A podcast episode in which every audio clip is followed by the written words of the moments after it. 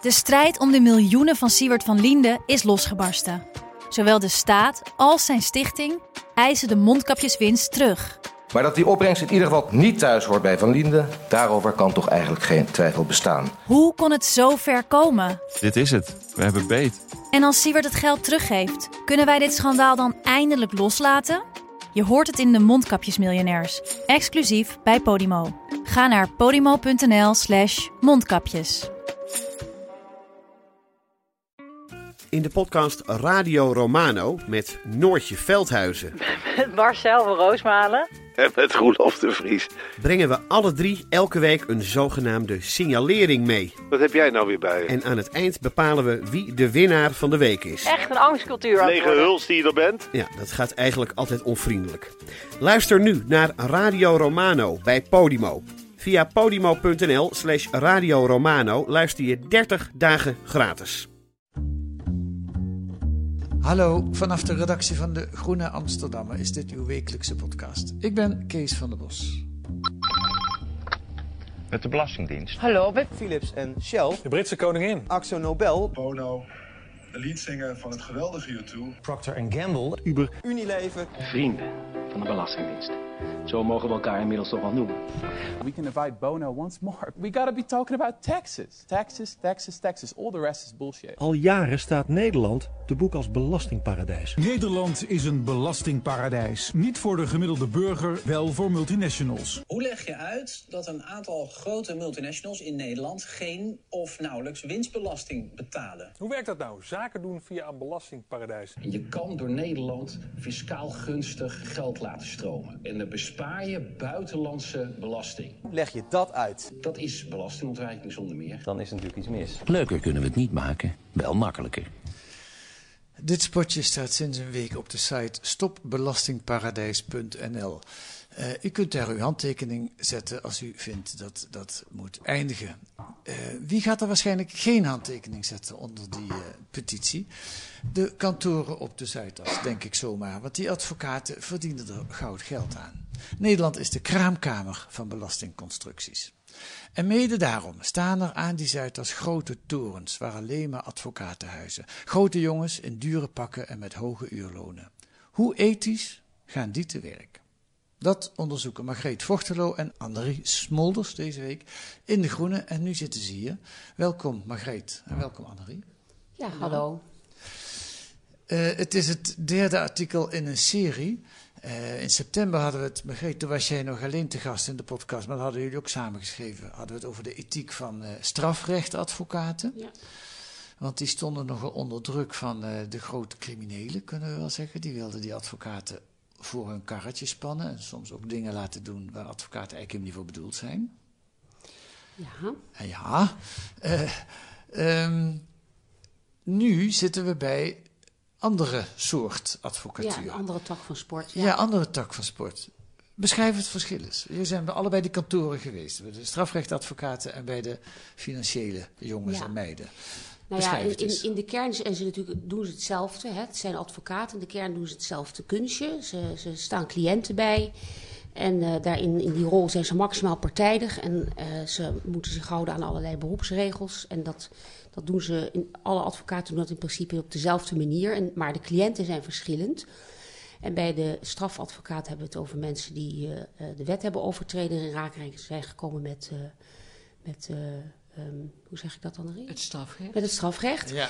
En in de corporate law gaat het om heel ander type cliënten. En dat Ja. zijn bijvoorbeeld grote bedrijven als Shell. Um, nou ja, en daar is een heel ander soort uh, functie eigenlijk in het bijstaan van de cliënt. Ja, maar waar ik benieuwd naar ben is, kom je ook op hele andere kantoren? Ik kijk naar jou, Annerie. Um, ja, vind ik wel, ja. ja uh, ten eerste, de kunst die je tegenkomt daar aan de muren is uh, museale kunst. Dure, mooie kunst. Je mag iets dichter bij de ja? microfoon praten. Okay, ja. ja. Um, het zijn, um, uh, als we het nu hebben over de Zuidas, zijn het echt hele hoge, grote, mooie kantoren. Zeker van binnen. Ja, mijn vooroordeel is dat je daar een beetje een patserige omgeving zit. Um, nou, dat hoeft niet per se. Je kunt ook zeggen dat ze uh, een esthetische uh, ideeën hebben over inrichting van kantoren. Dus ik zou het niet per se alleen maar patserig noemen. Nee. Maar het is wat rijker dan bij de strafrechtadvocaten? Ja, maar dat kan je ook weer niet helemaal over de hele linie zeggen, want je hebt ook hele uh, ja, goed lopende, laat ik maar zeggen, of commercieel werkende strafrechtkantoren. Ja. Maar op de Zuidas heb je de commerciële advocatuur. Ja. En ja, die hebben uurtarieven tussen de 5 en 700 euro. Ik heb ook al horen zeggen dat het gemiddeld 700 euro is. Dus ja, dan heb je het over een ander, ja. ander segment van de advocatuur. Want dat vraag je als strafrechtadvocaat in de regel niet. Um, nou, het hoogste wat ik daar heb gehoord is 450 euro, maar dat kan inmiddels ook zijn opgelopen. Ja. Maar ja, het is ook, er staan echt van die torens. Hè? Je hebt de Stibbe-toren, uh, dan noemen ze wat. Nou, je hebt de Rock, dat is waar rock. wij ook zijn geweest van uh, de Brouw. Ja, daar gaan jullie um, met een uh, glazen lift ja. omhoog. Maar ja, het idee, zo zijn we er niet naartoe gegaan vanuit het idee dat zit, dat is een patserige wereld. Nee, we zijn er echt vanuit het idee gegaan, hoe werkt dat? Hoe nee, werken zij juridisch en, hoe werkt hun beroepsethiek ja. als het gaat om het bijstaan van cliënten die soms dingen doen, zoals belasting ontwijken. Ja. En dat is allemaal binnen de wet, zoals het mag. Hè? Uh, Nederland Belastingparadijs, het begon het mee. Um, dus we hebben gekeken, hoe werkt dat nou? Hoe, hoe zit die ethiek er nou in, in dat traject van redeneren? Ja, nee, dat snap ik. Uh, dus de, de, de lifestyle eromheen, het was eerder, vonden we juist, ja, het zijn gewoon kantoren van bedrijven. Ja. Zo ziet het eruit. Oké, okay. oké. Okay.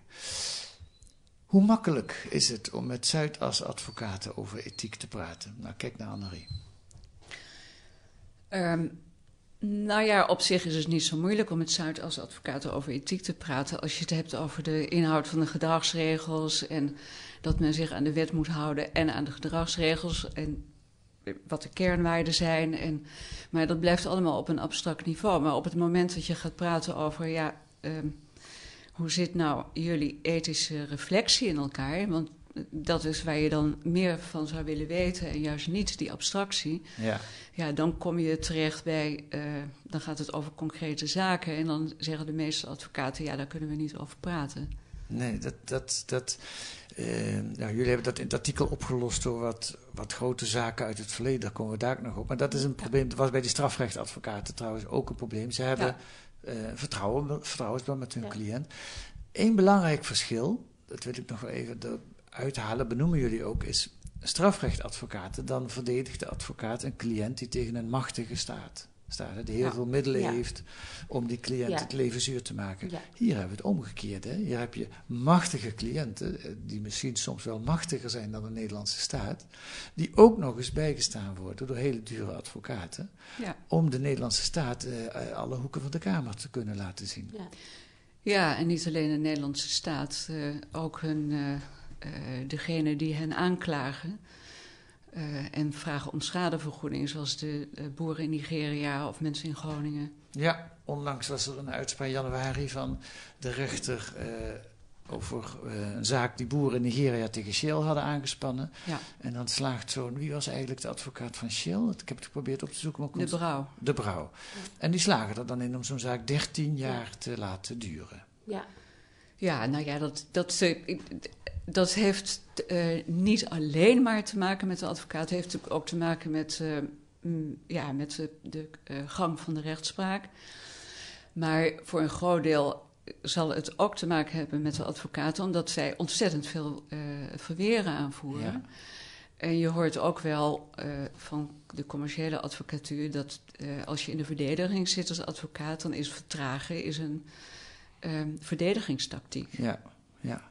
Maar hoe eerlijk is zo'n proces dan nog? Bijvoorbeeld uh, Shell tegen Milieudefensie. Shell is al een hele machtige partner, een hele juridische afdeling. Misschien, ze huren ook nog een, een advocatenkantoor in. Ja. Uh, dus misschien ook een ethische vraag, maar is dat nog een eerlijk proces? Nou ja, op zich wel. Dat, dat heb je ook gezien. Want uh, het gerechtshof in Den Haag heeft een uitspraak gedaan in het voordeel van Milieudefensie en de boeren in Nigeria.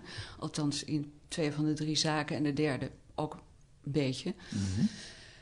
Um, maar het zijn wel uh, ongelijke partijen. Waar, ja. waar, um, we hebben eigenlijk twee elementen um, uh, verder uitgewerkt in ons stuk. Dat is, uh, de ene is dat als advocaten, of als de multinationals zelf in de verdediging zitten en ze huren een van de grote advocatenkantoren in, dan kunnen die uh, ja, alles uit de kast halen om, uh, voor hun verdediging. En dat gaat best wel ver. Dus bijvoorbeeld in die zaak van Shell, als je dat echt goed gaat lezen, dan, uh, nou, dan gaat het bijvoorbeeld. Uh, het ging over een boer in het dorp Gooi. En die had viskweekvijvers en land. En op een gegeven moment in 2004 was er een olielekkage. En uh, dat, dat, die olie stroomde over zijn land, over de visvijvers. De vissen gingen dood, het land was niet meer te bewerken. Um, en er is op een gegeven moment wel gesaneerd, maar de, boeren zeggen dat was niet genoeg. En um, ja, wat er dan gebeurt, als er dan op een gegeven moment uh, geprocedeerd gaat worden... en Milieudefensie heeft dus de moedermaatschappij in Nederland aangesproken... dat is dat uh, Shell bijvoorbeeld in twijfel gaat trekken... of die meneer die daar die visvijvers had, of dat wel zijn land was. Dus dan vragen ze bewijsstukken uh, voor, ja, voor de eigendom of voor het bezit... Uh, ze betwijfelen ook of het wel die locatie was waar die olielekkage was. Ja. Nou, echt op alle mogelijke punten gaan ze uh, verweren voeren. Nou, de rechtbank heeft met dit, dit of de, het gerechtshof heeft met deze twee punten eigenlijk korte metten gemaakt. Dus je ziet wel, ja, er wordt wel ge naar gekeken door een rechter. En die reageert daar ook op. Ja. En eerlijk gezegd, daar is een advocaat ook voor. Hè. Die moet ja. alles uit de kast halen voor zijn cliënt. Ja. Om, te, om te, ja. zo, zo gelijk te krijgen. Ja, maar ik wil er nog wel aan toevoegen. Het is de vraag, tien jaar geleden, of het ook zo was gegaan. Want er is nu natuurlijk wel, de publieke opinie is veranderd. En ik wil niet zeggen dat de rechters niet onafhankelijk zijn. Maar er is natuurlijk ook een, een, een bepaalde sfeer in de, in de maatschappij. En dat is ook van belang bij zo'n rechtszaak. Dat weerspiegelt zich in de uitspraak van rechters. Ja, wel iets, ja. ja, die zijn ja. Niet, uh, niet ongevoelig voor, voor die sfeer en die maatschappij. Ja. En die, die zullen dan uh, misschien op een gegeven moment toch iets anders naar Shell gaan kijken dan tien jaar geleden. Het zou kunnen. Kan meewegen. Je kan het zeggen, want je bent zelf oud rechter. Hè? Je bent al, schrijft zo'n tien jaar voor de Groene. Dat heb ik helemaal nog niet besproken. Margreet is al ruim twintig jaar bij de Groene redacteur. En Annerie, jij bent een jaar of tien medewerker van de Groene, maar je bent ook ja. een tijd uh, rechter geweest. Ja, klopt. Ja. Ja. Um, zou je ook eigenlijk nu als medewerker van de Groene de ethiek van rechters kunnen gaan onderzoeken? Jawel. Ja. Ja. Die positie maakt dat niet. Nee, maar ik ben geen rechter meer. Ik nee. ben al vanaf 2011. Ik was nog plaatsvervanger tot 2011 en daarna ja. niet meer. Nee. Um, Margreet, uh, aan jou de vraag van uh, jullie onderzoeksmethode. Hoe zou je die beschrijven? Um, nou, we zijn begonnen met die vraag die we uh, ons stelden. over de ethiek? Over de ethiek. En dat, ja, dat kan je wel... ja, we zijn een jaar geleden, ruim een jaar geleden begonnen. En dat, dat hadden we ook niet verwacht dat het zo lang zou duren. Maar allengs zie je dat het heel complex is. En dat het niet zomaar in een paar gesprekken klaar is. Nee. En, en dan krijg je dus uiteindelijk toch wel een gesprek of twintig. Met uh, vaak hele boeiende, uh, interessante uh, verhandelingen hoe, hoe deze complexe wereld werkt. Mhm. En daar kom je zelf ook, hè, gedurende de rit kom je daar ook zelf in terecht dat het niet zo'n eendimensionaal verhaal is. Nee, en je wist van tevoren, toen jullie aan dat onderzoek beginnen, dat het een lange looptijd zou hebben en dat je heel veel wetenschappers en advocaten zou gaan spreken? Of? Nee, dat is we hebben wel een lijst gehad, maar uh, van tevoren dachten we niet dat het... Um, hè, een gesprek of drie, vier denk je, nou, ik ben wel een aardig eindje op weg. We hebben een beetje abstract, uh, theoretisch wel grip op de zaak. Ja. Maar dan kom je dus toch ook niet zomaar verder. Nee. En kijk, we hebben ontzettend veel goede gesprekken gehad. Interessante gesprekken, die je ook allemaal niet per se kan gebruiken. Uh, en, dat, ja, en dan stuit je soms op een grens dat je denkt, nou nu heb je het nog echt nog helemaal niet. Ja, en dan krijg je een fase zoveel. Ja, en dan ben je zo'n jaar verder. Ja, het klinkt ja. een beetje, we zijn natuurlijk niet de hele dag mee bezig geweest, niet elke week. Nee, je bent maar dat met... kost tijd en ja. vertrouwen. En de Ja. Zuidas is niet zomaar toegankelijk uh, Nee. om, om binnen te komen. Dus je moet, ook, uh, hè, je moet ook laten zien wat je aan het doen bent. En hoe kom je dan op een gegeven moment verder? Ik, eh, is dat omdat je als journalist meer weet, dat je al een aantal gesprekken, gesprekken gevoerd hebt en daardoor slimmere Ja, vragen denk ik, kunt hè, stellen. Dat Ja. dat heel erg uitmaakt. Ja, het maakt heel erg uit. Die- bijvoorbeeld alleen al als je kijkt naar de gedragsregels. Nou, het gaat over integriteit en over onafhankelijkheid. En, en, ehm, maar hoe zit het dan met de maatschappelijke verantwoordelijkheid van advocaten en het publieke belang? Nou, als je voor het eerst naar die gedragsregels kijkt, dan staat dat ergens, maar je kan het helemaal niet interpreteren. Nee. En pas als je weer, als je wat, wat meer idee hebt van, ja, wat is eigenlijk de achtergrond van deze regels en hoe Ja. zijn die tot stand gekomen, dan blijkt dat er een enorme strijd aan vooraf is gegaan tussen eh, wetenschap, politiek en advocatuur. En ja, dat dit de neerslag is en dat de advocaten daar eigenlijk in gewonnen hebben voor een deel. Je bedoelt bij het tot stand komen van die regels hebben ze goed gelobbyd. Ja. Ja, Maar dan, ja. dan ga ik toch even naar Margreet. In de zin van, die regels zijn er wel. Ook nog dankzij een lobby van advocaten misschien vaak ruime regels. Of regels waar advocaten goed mee uit de voeten kunnen. Maar waar is het toezicht op die regels? Ik bedoel, wat er gebeurt tussen advocaat Er en de is cliënt... natuurlijk wel toezicht op. En die regels zijn ook gewoon heel erg prima. Ik bedoel, daar- sommige beroepen hebben helemaal geen regels. Eh, de journalistiek heeft ook niet echt harde beroepsregels. Dus dat, daar is Nee, maar bij ons is toezicht is de publiciteit. Hè? Jullie publiceren een artikel. Als het niet klopt wat je schrijft, dan krijg je op je donder. En dan komen de mensen die gaan reageren. Die advocaten die werken in het geheim, in vertrouwen. Niemand weet wat ze bespreken met hun cliënt. Dus wie houdt er in de gaten of ze zich Ja, aan dat de is regels natuurlijk wel een houden? terugcollege. En dat is net als de medische beroepsgroep. Die hebben ook een beroepsgeheim. Ja. En als het eh, misgaat en een eh, patiënt... eh, ja, maar het misgaat dus als de cliënt denkt... ik ben niet goed geholpen door deze advocaat. Maar Ja, of de mis- tegenpartij. ja, hè? of de tegenpartij. Ja. Ja. Of de deken. Ja. Dus Ja. het, het is Ja. een, een soort van piepsysteem. Maar, Ja. maar Ja. tegenwoordig is er ook proactiever toezicht vanuit. Dus Dat- in die zin heeft de politiek dat afgedwongen. Ja, dat wordt ook wel sinds echt 2015. geëist. Hm. Maar dat is vooral op de, op de boekhouding, de financiën, van alles. Ja. Maar kijk, daar hebben we ons nog niet echt in verdiept. Hè, hoe dat toezicht precies functioneert. Nee. Ehm, dat, dat, dat, dat kan je voorstellen dat, dat het ook niet eh, twee gesprekken gaan worden. Dat, Nee. dat gaat ook. nee. Maar dat lijkt me interessant om daarin te duiken. Ja. Goed, we gaan even naar de voorbeelden toe. Het ene voorbeeld is die belastingontwijking. Eh, nou ja, dat is tamelijk extreem. Hè? Nederland is een belastingparadijs. Volgens die eh stopbelastingparadijs.nl gaat er 1000 euro per seconde. eh, mist een of ander. eh, Een land ter wereld, Een ja. land ter wereld. Dat kunnen ontwikkelingslanden zijn, dat kunnen ook rijke landen zijn.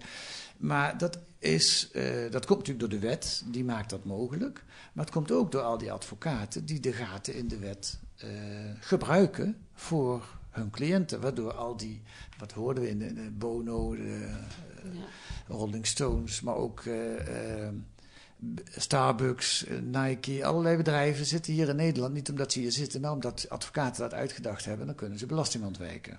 Eh, nou, Nee. het is ietsje Ja, het is iets, anders. Want de advocaten bedenken het niet. Het, Nee. het is er. Dat hele instrumentarium is er. De dat wet is er. het wij, wij beschrijven ook... Want daar gaat ons onderzoek voor alle duidelijkheid niet naar uit. Hè. We hebben niet die hele belastingparadijsconstructies onderzocht. Nee. We hebben gekeken welke rol advocaten daar eventueel in inspelen... om te adviseren aan cliënten. Want je, je had het over het belastingparadijs. Ja. En, eh, en advocaten maken dat allemaal mogelijk. Maar dat is niet helemaal zoals wij dat zien. En zo is het ook niet. Nou, de, de wet maakt het mogelijk, Ja. maar die advocaten die bieden het wel aan hun cliënten aan. Ja, er zit een stap tussen. Ja. En die stap die komt van de belastingadviseurs. Ja. En ehm, ja, wat wij op een gegeven moment eh, ja, toch goed hebben teruggehoord van de mensen die we spraken, is dat de, eh, Nederland is een kraamkamer van allerlei belastingconstructies, omdat Nederland eigenlijk de enige land is waar eh, fiscaal recht eh, universitair wordt onderwezen. Althans, of het nu nog zo is, weet ik niet. Nu maar niet meer, van oudsher. ja. Nee, maar het, Ja, het zal nu nog wel zijn, ja. maar van oudsher. Oké. Dus dat wil zeggen dat, die, eh, dat er in Nederland belastingadviseurs zijn die echt heel goed zijn opgeleid. En vanuit eh, dat verleden ehm, is Nederland een, eh, een land geworden waarin allerlei belastingconstructies zijn bedacht. En waar ook ja, heel goed. eh, we hoorden bijvoorbeeld op een gegeven moment terug dat eh, de, eh, de belastingadviseurs in Nederland beter weten hoe het Amerikaanse belastingrecht in elkaar zit dan, dan de Amerikanen zelf. Nou, dus zij, ehm, ja, zagen allerlei mogelijkheden. En uh, ja, van de andere kant is er ook uh, de fiscus en is er de politiek. En die zagen ook allerlei mogelijkheden, want die dachten, ja, wij willen wel graag een heleboel grote bedrijven naar Nederland halen. Dus er was van de kant van de fiscus was er ook nog zoiets van dat ze snel akkoord gaven voor allerlei constructies. Ja. Nou, als je dan een constructie hebt bedacht, dat is een. De, uh, nou ja, het werd ons voorgesteld als een creatief proces en ik neem aan dat dat ook zo is. Ja, dan kom je vervolgens bij de advocaat en zegt: kan je dit even handen en voeten geven, zodat het uh, ook waterdicht is juridisch? Ja. ja. Nou, in, in die zin horen wij dat advocaten, en we hebben, het, we hebben één iemand uh, opgevoerd die dat zegt, maar we hebben het van meer mensen gehoord, dat we advocaten facilitators zijn. Ja. Die, ja, je komt met een constructie bij een advocaat en, en dan. Uh, die dekt het juridisch. Ja, die dekt het, maar die gaat het dus niet, uh, die, die gaat het niet zodanig invullen dat je over de, de wet, de ronde van de wet gaat. Soms er tegenaan, maar er niet overheen. Nee, dat is, maar dat is grappig. De, nee, dat denk ik. Laten we daarvan uitgaan. Ik bedoel, dat mag ook niet over de randen van de wet gaan. Dat zijn ze, zijn ze in overtreding, net zo goed als wij ja. dat zijn als we over de randen van de wet gaan. Maar alles bij elkaar hebben ze daardoor wel een systeem opgetuigd, waardoor er 1000 euro per seconde misgelopen wordt. Ja, ze is dus die, die, die, die, Niet alleen de advocaten, nee. maar die zijn daar wel ja. een onderdeel van. van dat die hele, die hele financiële wereld en de advocaten die op een gegeven moment ook... Dan zag je dat, uh, dat de advocatuur ging fuseren met... Uh, kantoren van, uh, van, van uh, ja, fiscalisten ja. en notarissen. En dat, ja. dat ging allemaal bij elkaar zitten. Ik snapte dat toen ik daar, voordat ik dit onderzoek deed, snapte ik nooit helemaal hoe dat tot stand gekomen was. Ja, wat deden was. ze daar dan allemaal precies? Ja. ja. maar wel, ze hebben elkaar allemaal gevonden en dat proces begon in de jaren ja. 80, 90 van de vorige eeuw. Dus het is al langer gaande. Ja. En vandaar ook dat we al die grote Engelse namen op die kantoren zien. Ja. Er is een zeer anglo-saxische commerciële advocatuur opgekomen op de Zuidas. Die met ook weer allerlei kantoren in andere delen van de wereld uh, een heel, heel structuur hebben aangelegd. Ja, maar mag ik zeggen als buitenstaander dat we dat ze daardoor door allemaal binnen de regels van de wet te blijven, allemaal samen een totaal onethisch systeem hebben opgetuigd. Namelijk een systeem waarbij de landen die recht hebben op de belasting het niet krijgen. Nou, wij, wij, wij onethisch. Ik vind het een systeem waar je heel erg uh, kritisch naar moet kijken, zeker. En, uh, en, en om dat op te lossen moet je dat wet, via de wetgever doen. Je moet het afbouwen of anders gaan inrichten. Ja. Of zorgen dat het niet meer zo kan schuiven over de wereld dat je nergens belasting hoeft te betalen. Zeker. Daar, die daar... advocaten zullen dat niet doen. Want die moeten voor hun cliënt proberen het juridisch kloppend te maken. Dat het via de Seychelles en Panama en noem maar op allemaal... Ja, of via Nederland. Ja, ja, maar ja. uiteindelijk... In ja, Nederland staat op de derde plaats hè, op de, in, in, in de wereld als het gaat om paradijzen. Nee, zeker. Onethisch zou je het kunnen noemen. Ik vind de, wat, er, wat er gevolgen ervan zijn in de wereld, dat, dat is zichtbaar. Het, het, het leidt tot... Uh, landen die geen belastinginkomsten hebben om, om te investeren in publieke functies. En noem, noem het allemaal maar op. Ja, ja maar wat wij gedurende dit onderzoek uh, dus eigenlijk ontdekten... Uh, en, en, wat steeds meer als beeld naar voren kwam... is dat de Zuidas ontzettend weinig tegenspraak krijgt. Omdat er is een conglomeraat van mensen die met elkaar samenwerken. Ja. En um, ja, in de politiek zitten ook mensen die banden hebben gehad. Je hebt nu minister van Justitie, die komt van een Zuidaskantoor. Ik zeg niet dat het allemaal rechtstreeks is, dat wil ik helemaal niet beweren. Maar het is wel een wereld die voor mensen in de politiek heel erg bekend... of voor een aantal mensen heel erg bekend is. Ja. En ook de, de gedachtenwereld daarachter. Dus um, uh, ja, zolang het maar... Uh, binnen de grenzen van de wet is, wat zou er dan fout zijn? Ja. Nou, en dat is wat wij ook steeds. Uh, we begonnen het onderzoek met het idee van. Um, uh, hoe voorkom je als advocaat dat je vuile handen maakt? En uh, nou ja, toen we nog niet zo lang bezig waren, ontdekten we dat die vraag eigenlijk te eenvoudig is. Want iemand die, die heel duidelijk vuile handen maakt, in de zin van, uh, van wetsovertreding en zo, daarvan zegt elke advocaat, ja, dat, dat, dat kan natuurlijk niet. Je kan niet de wet overtreden. Ik zeg niet dat het wel niet ook. Wel het gebeurt natuurlijk ja. wel eens. Maar je kan niet de wet overtreden. We moeten ons aan de wet houden en aan de gedragsregels. Ja, maar wat betekent dat dan? Ja. Nou, dat, dat is waar we ons op gericht hebben. Wat ja. betekent dat? En wat betekent dat dan voor je eh, binnen die grenzen, wat betekent dat voor je onafhankelijkheid als advocaat en voor je, voor je ethiek? Betekent dat dat je nog wel nadenkt over ethiek? Of, of kijk je gewoon van, oh ja, dat is de regel? En, ehm, nou ja, en dan vervolgens dan zie je dat er in eh, dat op de Zuidas, want we hadden het net over dus de Shell-zaak.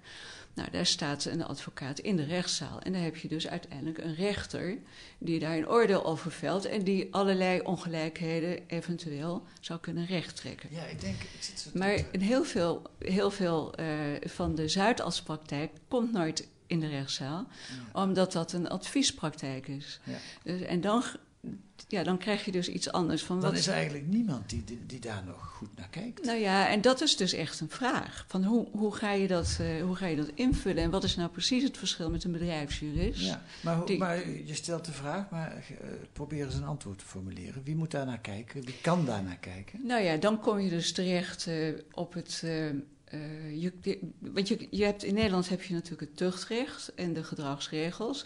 Maar Zuid als cliënten, die gaan echt niet naar de tuchtrechten, die gaan naar de concurrent. Hebben jullie tucht- ergens- tuchtrechtdossiers eh, bekeken? Ja. Mag je daar Ja, journalist ja, in? daar kan je in. Nou, geen kan- dossiers, maar uitspraken. Ja, uitspraken. En, en dan, dan, dan denk je nou, als dat de werkelijkheid vertegenwoordigt, dat, dat, dat is natuurlijk gewoon niet waar. Dat, hè, wat je daar ziet is niet wat wij hebben onderzocht. En wat, wat naar boven komt, is ook niet zomaar ehm, in die tuchtklachten tot uitdrukking gekomen. Nee, dat, dat daar is- zitten geen zaken in waarbij die grote kantoren eh, documenten vernietigen of, of anderszins dingen doen die niet... Zoals in Australië en Amerika is gebeurd. Ja. Ja. Nee, La- la- nee, die zaken zijn er niet. Nee. Of het gebeurt, we zouden het niet weten. Nee. Ehm, Eigenlijk zijn maar- jullie, zijn jullie... Sorry hoor dat ik je onderbreek, André. Maar eigenlijk zijn jullie in Nederland... eh, je, ta- je tast het af, hè, de ethiek, hoe ver kun je gaan... maar je bent geen eh, echte schandalige zaken tegengekomen, of wel? Mm, er- wij waren niet uit op schandalige zaken. Hè? Nee, maar je wil wel aan de hand van zaken Ja. zichtbaar maken hoe zoiets gaat. Ja. En dat was dus precies het probleem. Want hè, dat zeiden we in het begin van het gesprek. Dan kom je dus uit, uit bij de inhoud. En dat, dat eh, is heel moeilijk om daarover te praten als advocaat. Want je hebt je beroepsgeheim. Ja. Dus dan moet je naar zaken gaan zoeken. En, dat, en dan, dat is er dus ook gebeurd. En daarom kost het ook zoveel tijd om dit te... Ja, Ja, want je, gaat, nou, je, je, je hebt Ja. dus wel bijvoorbeeld de NAM in Groningen, hè, de Nederlandse aardoliemaatschappij. Ja. En de, de, eh, de aardbevingen daar. Nou, er zijn ontzettend veel procedures geweest en nog altijd. En eh, nou, dat wordt toevallig, maar ik, ik bedoel, het is niet alleen, de Brouw is niet het enige kantoor op de Zuidas, maar toevallig toevallig, ja, ja. maar dat komt ook omdat Shell eh, een onderdeel is. Ja. Of, En de Brouw is ook geen kleine jongen. En Ze de zijn de grootste. Het staat op nummer één. Ja. Ja. ja. Maar wat, hebben is- ze, wat hebben ze verkeerd gedaan bij de NAM, eh, bij de Groningers? Nou ja, maar dat zijn dus eigenlijk vragen die je hebt Nou, bij, bij dat soort zaken. Want dan, ehm, ja, dan lees je, eh, ja, er zijn allerlei boekwerken gemaakt over waar, waar mensen op gestuurd zijn. Hè? Die, die, die zelf zeggen van, ja, wij hebben allerlei scheuren, er zijn aardbevingen geweest. Nou, dan kregen ze te maken met een NAM. Die zei, ja, maar die scheuren komen niet van de aardbeving. Of, ehm, ja, die, scheuren die waren van- er, we moeten het eerst zelf bewijzen. ja, of die aardbeving Nou, komt helemaal niet van de gaswinning. En, en daar zit dan dus parallel met de olie in Nigeria. Dan Ja. krijg je dus het Ja. proces dat mensen lang, Ja. langdurig ingaan Ja. met relatief klein budget. Dus dat Ja. is wat wij ook in het begin schrijven, dat is het ongelijke speelveld. Ja, Zij hebben een budget gekregen en daarmee moeten ze doen. ja. En dan vinden ze de brouw tegenover zich. Nou ja, je hebt het op een gegeven moment ook eh, ergens gelezen... dat prachtige beeld van een team van de brouw met glimmende schoenen... staan dan in de schuur bij de boer. ja. En de, die, die wijst op de scheuren. En, en zo krijg je dus een heel raar soort... Ja. ehm, Ja, en dan, dan, nou ja, dan kom je op een gegeven moment een zaak tegen waar in het begin, eh, de- want er wordt erg veel aangestuurd, eh, of er werd zeker in het begin veel aangestuurd op schikkingen. Nou, ehm dan werden de schikkingen voorgesteld van 15.000 euro. En de uitkomst is een miljoen. Nou, dat Ja. ligt zo ontzettend ver uit elkaar dat je denkt van, ja, wat is hier eigenlijk aan de hand? Maar dat, dat, ik, ik weet niet of dat advies is gekomen van de advocaat van de Brouw. Nee. Dus daar zijn allerlei vragen over, maar er is in, in Nederland helemaal geen empirisch onderzoek naar gedaan. Eh, we moeten het gaan afsluiten. Ik wil nog één slotvraag. Geen lang antwoord alsjeblieft, maar gewoon even eh, een, een indruk. Eh, jullie zijn dus nu bij die strafrechtadvocaten geweest en bij de, bij de corporate lawyers, bij de, de, de zakenadvocaten. Ehm, wat is jezelf eh, meegevallen? Dus waar, waar, wat, wat denk je aan, aan uit je onderzoek gewoon van je denkt, god, dat had ik toch, dat zit verantwoorder in elkaar dan ik had gedacht. Nou ja, kort. ehm, als je zegt meevallen, dan is het dus dat je een aanname had van tevoren Ja. dat het zou tegenvallen of dat Nou, het of heel erg zou zijn. Dat je verwachtte dat er problemen zouden zijn die er helemaal niet waren. Mm, ik kan daar niet zo goed antwoord op geven wat mee of tegenvalt. We zijn er heel erg open ingestapt. En wat er eigenlijk alleen maar tegenviel, is dat het heel moeizaam was om er doorheen eh, te, te, te komen. En echt verder te praten dan de eerste linies die we eh, ingingen. Ja. Dus ja, dat is dus Nou, dat is misschien wel het beste eerder een neutrale. Ja. Het, is, het onderzoek doen is gewoon best taai. En dit Ja. is ook een taaie wereld. We begrijpen dat deels ook. Ja. Meevallen, ja, ik, vind, ik bedoel, ik had helemaal niet zo'n beeld of ze nou arrogant waren of helemaal niet. Nee, wat er nodig is inderdaad, is empirisch onderzoek. Ja. Ja. Ja. En dat is er wel in, in, eh, in het Verenigd Koninkrijk. Ja, en wie doet dat dan? Doen dat dan wetenschappers? Wetenschappers. Ah, Ja, rechtsfilosofen. Rechtsfilosoof. Ja. ja. En dat is in Nederland niet zo. Dat, dat, dat niet Nou, zo er goed, is een empirische tak van wetenschap. Ja. Maar die is meer in, de, in het eh, recht is wat meer in opkomst. En die, ja, die zou dit kunnen, kunnen gaan doen. Ja. Annelies Smolders en uh, Margreet Vochtelo, dank jullie Ja, wel. zeker.